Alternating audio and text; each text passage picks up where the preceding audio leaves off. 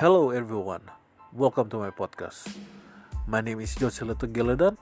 I'm a stroke survivor and I will be your host. I will give you insights from like-minded people. So please be open-minded, always striving to learn, and encourage everyone to stay positive because what else pays?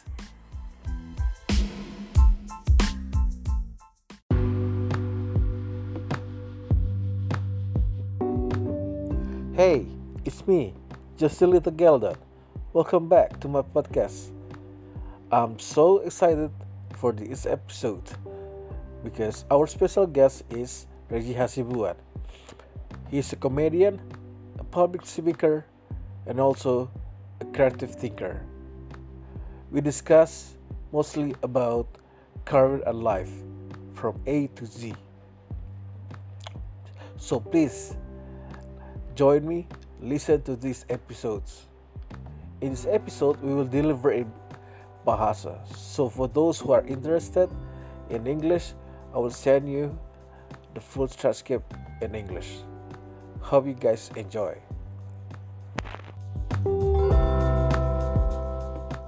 Halo, Halo, halo, ya Mas Regi. halo, Mas Regi ya? halo. Ya, halo, saya apa kabar? Apa kabar? Baik, Mas. Bisa dengar suara saya, Mas? Denger lah, jelas kok. Jelas kok ya. Oke. Em, kita langsung aja ya. Oke, Nah, soalnya di podcast gue itu nanti ada intro sama outro-nya udah gue buat sendiri terpisah. Jadi ki- uh, mempersingkat waktu, without further ado kita masuk ke Q&A ya.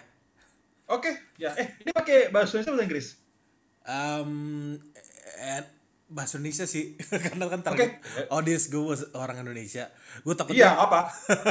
nggak apa-apa. Biar biar jelas aja. yeah, for those who are interested uh, to know our conversation in English, just send me an email. I will send you the full transcript in English. Wah, niat. Oke, Em, Mas Regi, kita dulu ketemu di mana ya? Udah lama banget ya. Oh, bentar. Eh, itu zamannya komedi awal-awal tuh sebelum gua pindah ke Malang. Oke, kalau gue bercerita dari sisi gue ya. Oh ya, Jadi gue tau Mas Regi ini waktu gue ada program British Council. Programnya itu mengenai climate change.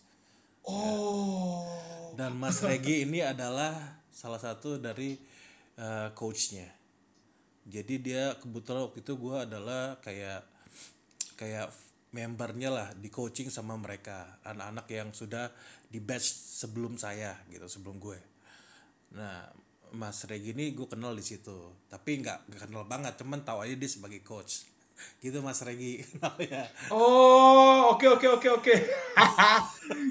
Climate champion. Baik, baik, baik. Oke, per- Kenapa? pertanyaan gue yang pertama adalah mungkin Mas Regi boleh sedikit cerita take me back, take take us back itu Yeah, awal- sure. awalnya mulai gimana? Climate champion. Sorry? Climate Climate Champion program itu. Enggak eh, tentang Mas Regi di sekarang tinggal di mana, kuliah di mana, Oh, sekarang kerjanya Wow. apa? Ah, wadaw, itu itu itu long story banget nih, Gak buset. apa-apa, ini persingkat aja. Biar audiensnya, biar biar listener juga tahu, oh Mas Regi ini begini loh, sekarang gini loh. Iya, iya. Jadi eh, sekarang gua sih udah di Jakarta lagi. Oke. Eh, sebelumnya nggak di sini. Sekarang eh, gua kerja kantoran di production house dan juga eh, nyambi sebagai eh, stand up comedian sama public speaking coach. Oke. gitu. And ya ternyata melakukan dua hal ini eh, sangat cukup buat gue dan gue tuh nyesel ya kenapa kok baru sekarang mikirnya kayak dulu dulu. Tapi em, ada alasan yang kuat kenapa kayak gitu. Nah em, karena sekarang semenjak kejadian di Malang, gue menjadi sedikit lebih pragmatis dan realistis karena kan gue dulu orangnya sangat idealis. Eh, tapi sekarang gue lebih Kejadian apa tuh, Mas? eh, Ntar gue ceritain, ada dong. Ah, cliffhanger dikit biar Ah, biar, biar, biar tarik. Storyteller. Ntar kita ya kita flashback lah ya. okay. Cuma intinya gara-gara kejadian itu sekarang gue jadi uh, lebih kompromi, gak seidealis dulu. Nah, zamannya kita ketemu tuh Jose yang di Climate Champion, oh, tuh, oh itu gue idealis banget. oh, gitu. ya, gua, gua pasti bisa melakukan perubahan karena gua anak muda, penuh energi dan ide. Ya. Ternyata setelah itu nggak berhasil. Uh, tapi turning turning pointnya bukan itu. Okay. Turning pointnya bukan itu. Uh, turning pointnya adalah uh, gue dulu kan juga di Jakarta hmm. sebelum ke Malang Yeah. Itu waktu zamannya idealis idealis gue itu gitu kan. Gue kerja buat HAM, uh, kerja buat Climate Champion, gue mengejar mimpi gue gitu untuk menjadi stand up comedian. Nah, suatu ketika ada kejadian nih di tengah-tengah itu tuh tahun 2012 ketika aku lagi naik-naiknya. Oke. Okay. Kan gue lagi uh, sangat populer tahun 2012 gitu kan. Hmm. Kenal sebagai stand up comedian yang, yang uh, direspek lah gitu kan. Oke. Okay tiba-tiba ketika lagi naik daun nih nyokap gue di Malang itu uh, didiagnosa kanker. Oke. Okay. Jadi gue harus meninggalkan, uh, eh, gue memilih sih untuk meninggalkan semua kerjaan gue. Menurut gue ini bukan pilihan, gue harus pulang buat nemenin mama. Gitu. I see. Jadi semua kesempatan-kesempatan di Malang, eh kesempatan-kesempatan di Jakarta gue tinggalin, nggak bisa kan? Karena gue harus pulang ke Malang. Yeah. Gitu. Tapi gue tetap ideal. Ya di Malang masih bisa kok gitu kan. Gue bisa ngurusin environment di Malang. Gue bisa jadi stand up, stand up comedian di Malang gitu kan sambil tetap ngurusin nyokap. Dan faktanya tidak bisa. Karena kesempatan di Malang dengan di Jakarta beda. Uh, awareness orang-orangnya juga beda. Nice. Jadi apa yang gue lakukan nggak masuk kalau masalah environment dan juga masalah stand up comedian apalagi berbayar nah jadi habislah waktu dan duit gue itu untuk ngurusin mama gitu Sa itu sa itu empat tahun tuh kayak gitu uh, mama juga kena kanker dua kali okay.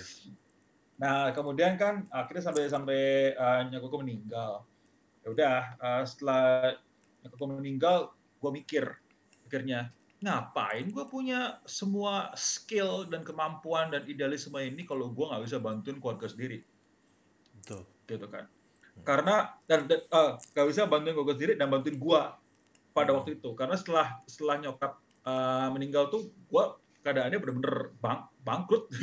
Gak ada duit gak ada kerjaan gitu kan.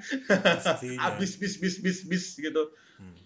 gue mikir gila gitu kan. Apa gunanya semua kemampuan gue kalau gue jadi kere gara-gara gini? Gitu.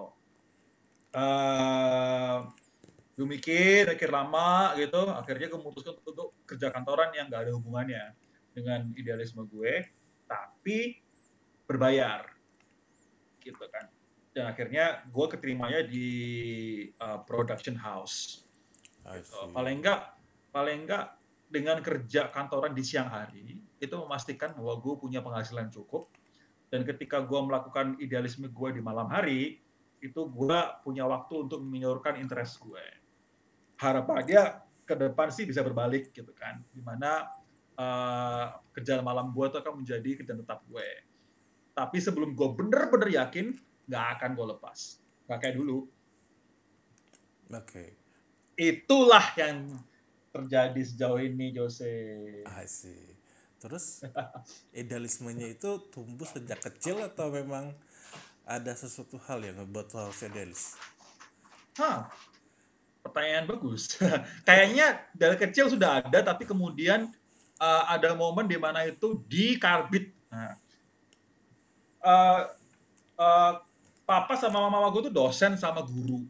Jadi mereka orang-orang akademis dan dididik kan, dan mereka selalu uh, memikirkan yang terbaik untuk anak-anaknya yeah. keluarga gue sangat-sangat liberal untuk ukuran uh, orang tua yang tinggal di Malang hmm. gitu yang masih agak konservatif karena mereka terdidik uh, mereka tuh membebaskan anaknya untuk jadi apa aja yang penting mereka bisa menjadi terbaik di bidangnya. Gitu. jadi waktu sekolah gue nggak harus dapat nilai 10 gitu kan.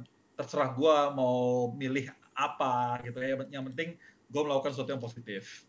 Uh, gue nggak pernah uh, salah semua anaknya nggak pernah ditanyain kapan nikah? Gitu nggak ada nggak ada gitu. Mereka sangat-sangat ya kayak mereka sangat-sangat uh, open minded nah dari kecil gue udah terbiasa sama kondisi kayak gitu. Jadi kayaknya gue lebih uh, open minded yang mana akhirnya membuat gue lebih idealis gitu kan uh, dibandingkan anak-anak lainnya karena kan kalau seangkatan gue itu antara yang uh, kalau gede jaga toko harus menikah kayak gitu sementara kalau gue kan enggak ah kalau gue lulus kuliah gue ingin melakukan sesuatu sesuai dengan idealisme gue itu gara-gara didikan mereka juga kayak gitu nah tapi di hmm. tengah-tengah perjalanan yeah. Iya. uh, gue itu dapat scholarship beberapa kali. Ini makin uh, ngarbit idealisme gue gitu kan. Gue di, dilatih bahwa, bahwa harus hidup demi uh, membela ham awalnya kan gue pelatihan ham gitu. Oke. Okay.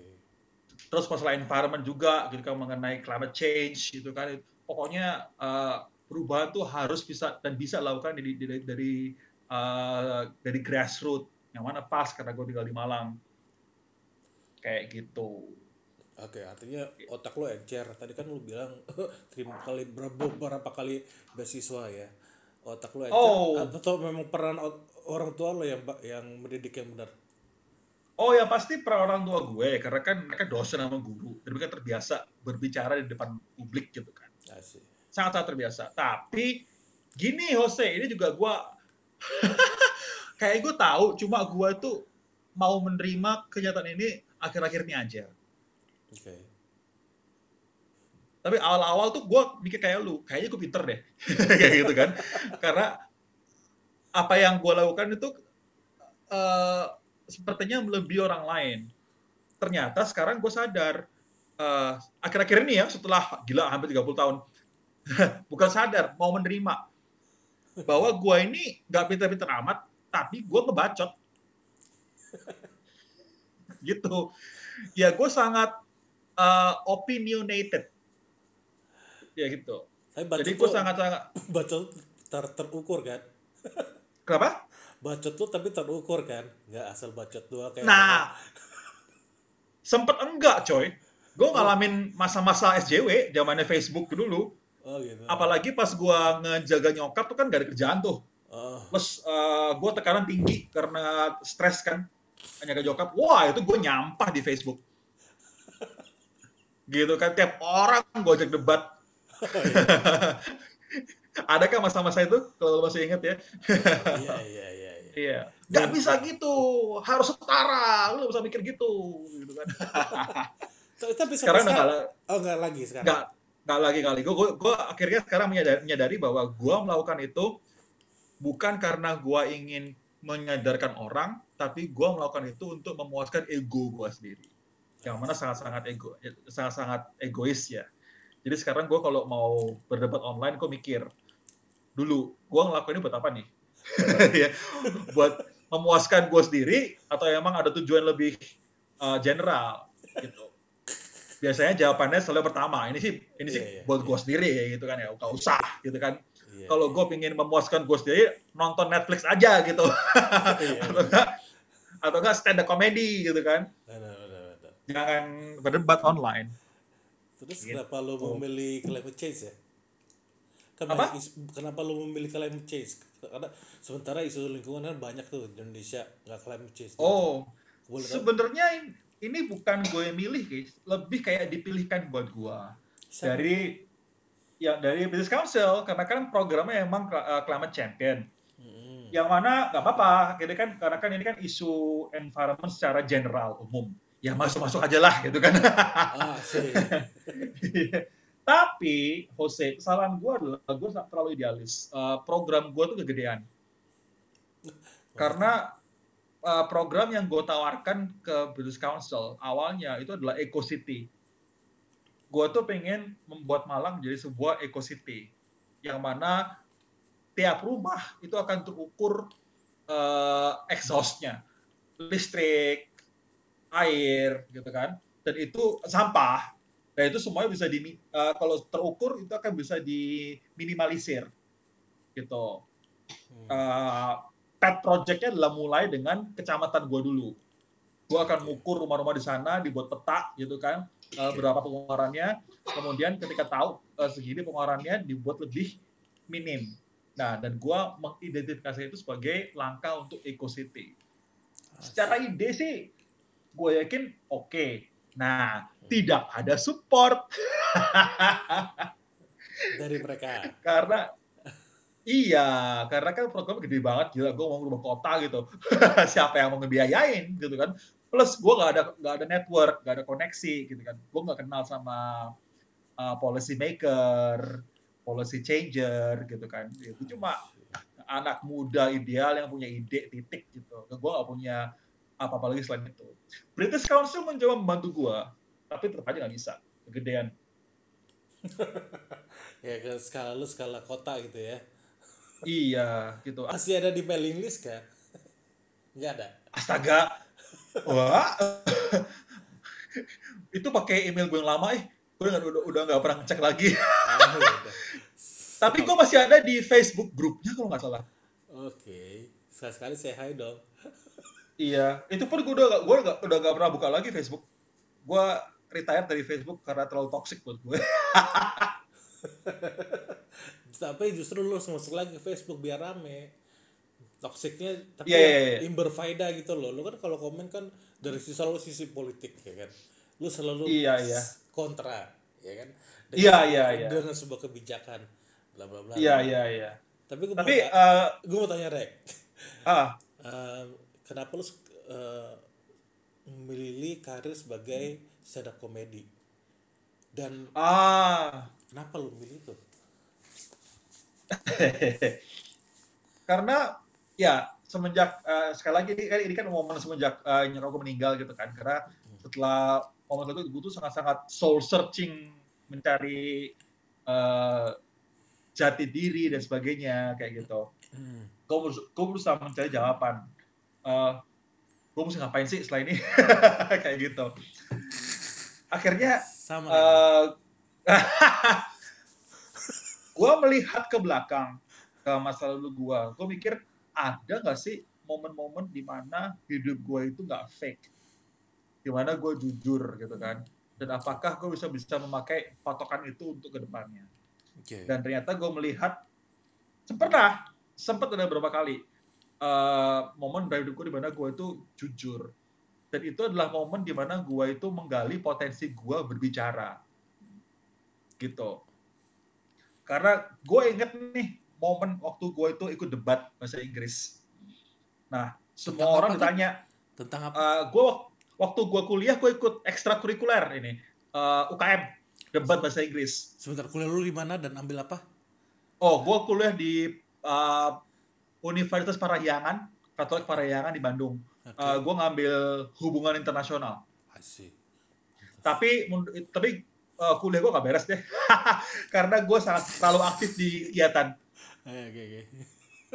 gitu. Uh, eh, gue aktif di, wah banyak banget kegiatan gue. Cuma yang yang paling berkesan adalah ketika gue ikut kegiatan tuh debat bahasa Inggris. Iya. Yeah. Nah, waktu gue ikut itu gue, gue nah? Canda sih bahasa Inggrisnya. akhirnya ketika gue ikut itu gue tanya, eh lu kenapa sih ikut debat bahasa Inggris? Nah teman gue bilang, uh, teman gue pada pada jawab kan, oh gue pengen menang, jadi juara uh, teman gue uh, yang lainnya bilang gue pengen dapat scholarship makanya gue latihan yang lainnya bilang uh, gue pengen melatih bahasa Inggris gue nah gue jawabannya sangat simpel. Gue jawabannya uh, karena gue ingin tampil. Dan gue diketawain jawaban gue hahaha gitu kan. Kayak remeh-temeh gitu kan. Setelah gue berkarir di debat selama beberapa tahun jawaban gue berubah. Oh iya gue ingin berdebat karena gue ingin menggunakan argumentasi gue untuk meluruskan masalah. Yeah. Nah, setelah lama kemudian, gue mikir kayaknya kayaknya gue melakukan ini alasannya sesuai yang pertama deh, bukan yang lain-lain gitu. Karena gue ingin tampil titik gitu kan. Uh. Nah, akhirnya gue, oh, gue akhirnya menemukan titik bahwa gue itu tidak bisa memungkiri alasan awal kenapa gue suka sama sesuatu. Karena alasan awal itu yang paling pure. Gitu. Hmm. mungkin berubah ke depannya, tapi tidak akan uh, mematahkan yang awal ini. Itulah kenapa gue melakukan stand up comedy sekarang gitu. Karena dari awal gue udah suka stand up comedy, gitu kan? Iya iya iya. Sekarang pun gue akhirnya kembali ke ini lagi. Dan kenapa lu memilihnya dengan bahasa Inggris ya? Lu nggak takut nggak dapat audiens? Secara Oh, orang, bukan. se- secara orang Indonesia kan bahasa Inggrisnya ya you know lah, ya kan? Benar. Lu bener banget. Nah ini udah udah menjadi masalah buat gue lama. Ah. Tapi eh, ada beberapa hal. Yang pertama adalah, Jose, gue tuh kalau pakai bahasa Indonesia jelek karena Jelek gimana? karena gue ini aslinya gagap. Uh? Kok gak? Eh, eh, karena gue tuh kalau ngomong kecepetan. I see. Lu lu, lu Jadi maksudnya introvert apa ekstrovert sih? Sebenarnya? Nah, aduh gimana ya? Gue itu sebenarnya nggak percaya sama introvert extrovert ini. Gue itu gue itu selalu beranggapan Ah. bahwa semua orang, semua ini ya, itu uh, mempunyai sisi ekstrovert dan introvert. gitu loh. Oke. Nggak ada orang yang extrovert 1% dan introvert 1% gitu kan. Mereka selalu punya sisi yang untuk tampil buat orang lain Mm-mm. dan sisi yang private gitu. Betul. Nah, ya. Jadi gue nggak pernah percaya sama itu. nah itu dia, gue pakai bahasa Indonesia itu pasti pasti jelek dan feelnya nggak dapet karena gue ngomong terlalu cepet dan gue gampang gagap dan gue lebih gampang nervous, Oke. lebih lebih anxiety gue kalau pakai bahasa Indonesia. Oke. Di lain sisi, kalau gue pakai bahasa Inggris, satu, gue sudah terlatih sama ini dalam waktu yang lama. Dua, gue punya waktu buat mikir sehingga gue nggak kecepatan. Hmm. gitu. Tiga, gue merasa gue melakukan sesuatu dengan skill yang unik ke gue. Jadi gue lebih pede. I see. Tapi Nah, lu- masalah masalah audiens itu benar. Ah. Tapi menurut menurut gua kan, menurut gua kan em, su- eh, pasti kan lo ingin monetize kan dari setiap komedi lo adalah benar. aspek monetize-nya ya kan. Tapi Benar. dengan lo berbahasa Inggris ah, pengalaman lu gimana? Lu udah menjalankan stand up komedi berasal dasi, berdasarkan riset gua lu udah 10 tahun ya kurang lebih. Ya, lu bener banget, anjir. Terima kasih udah mengikuti. Nah, itu pengalaman lu gimana tuh dengan bahasa Inggris berstand up komedi tapi berbahasa Inggris?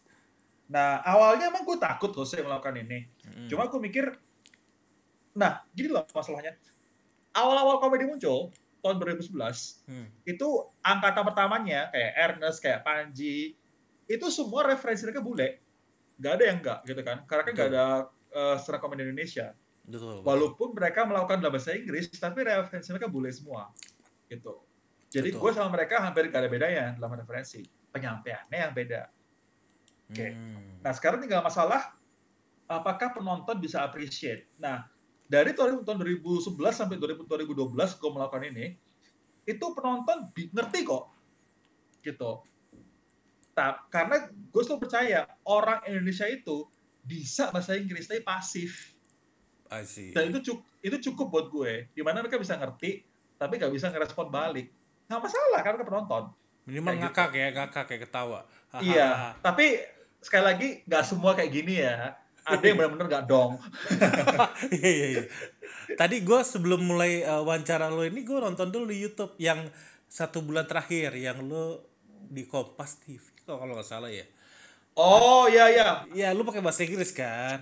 Ah, ah. Dan itu kan Dan gue jadi kamera kan syuting ke audiens kan. Gue liat mereka ketawa sih. Artinya mereka ngerti. Nah itu gue lagi hoki Jose karena di depan tuh mahasiswa bahasa Inggris Oh oke.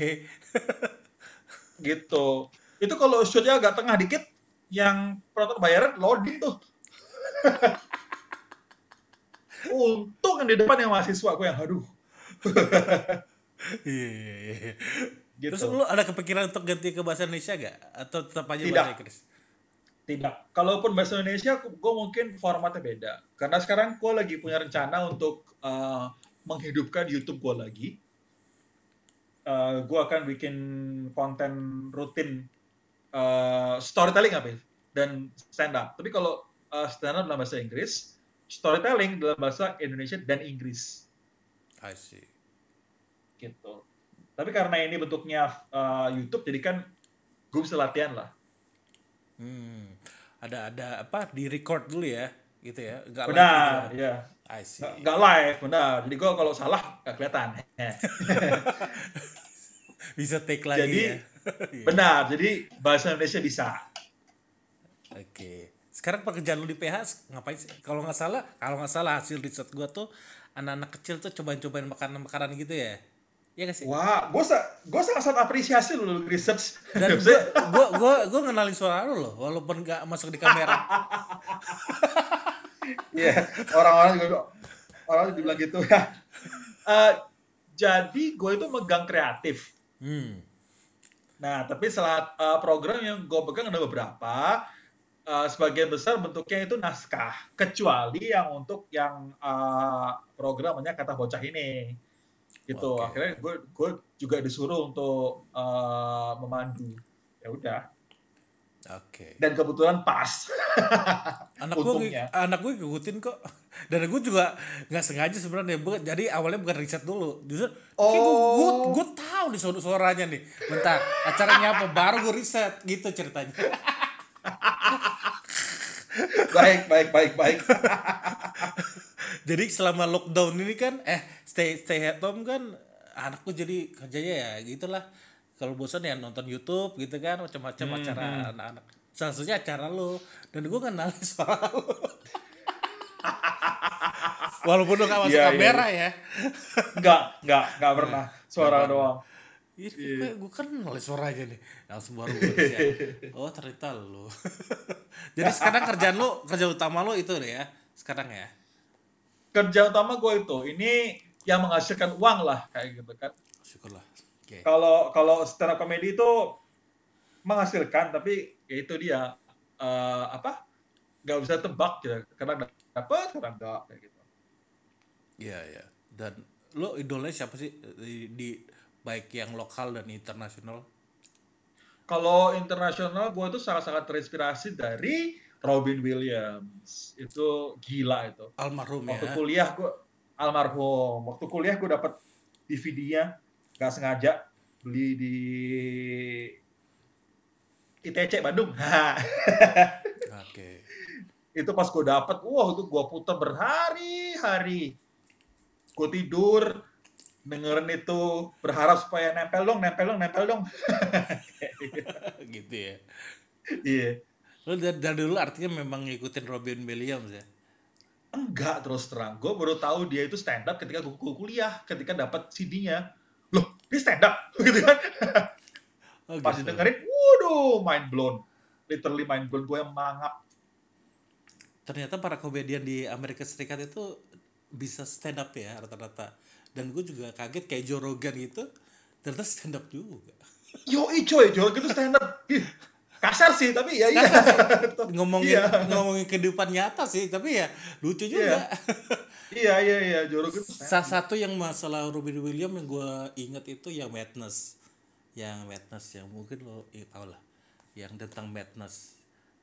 Dia stand up materi stand up apa ya? Iya materi oh. waktu dia stand up tentang madness. Iya iya. Ya, gue suka, ya. suka banget tuh. Itu ngena banget menurut gue hmm, hmm, hmm. ya dan ternyata di balik tawanya dia ada kesedihan juga ya. Ha, mudah-mudahan itu, lo, itu gua Oke. Okay. Mudah-mudahan itu gua ngerti banget sih. Mudah-mudahan lu nggak gitu. um, ada masa-masa di mana gue kayak gitu. Ada gitu dan ya?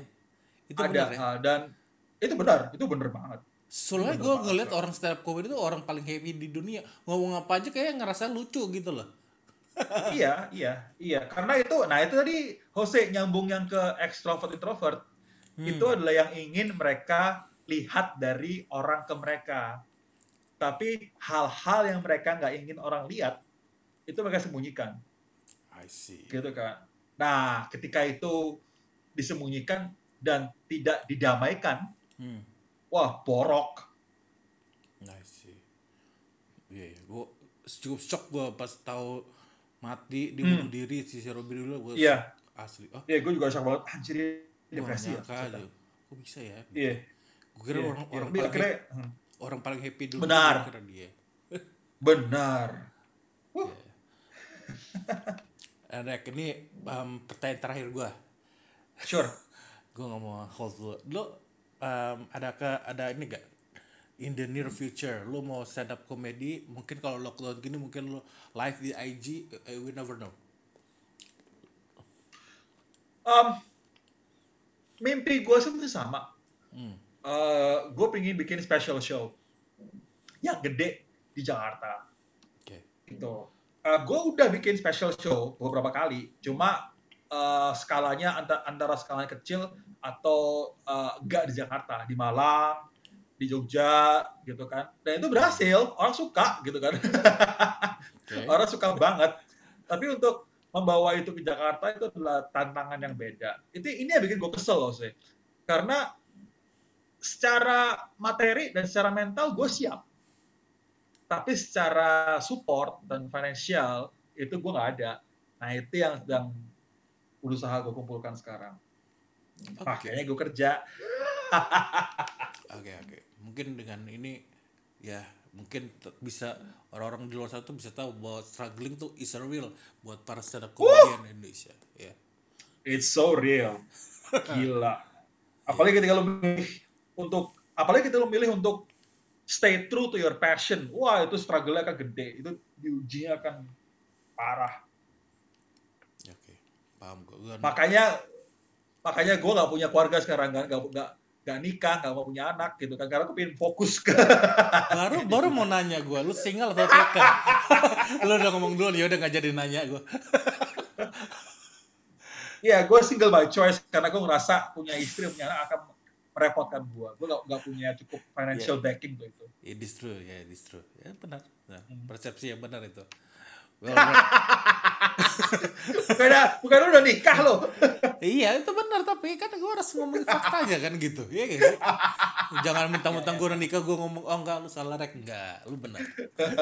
enggak enggak maksudnya lu ngerasain yang gue maksud kan? ya gue ngerti benar emang ada aja benar.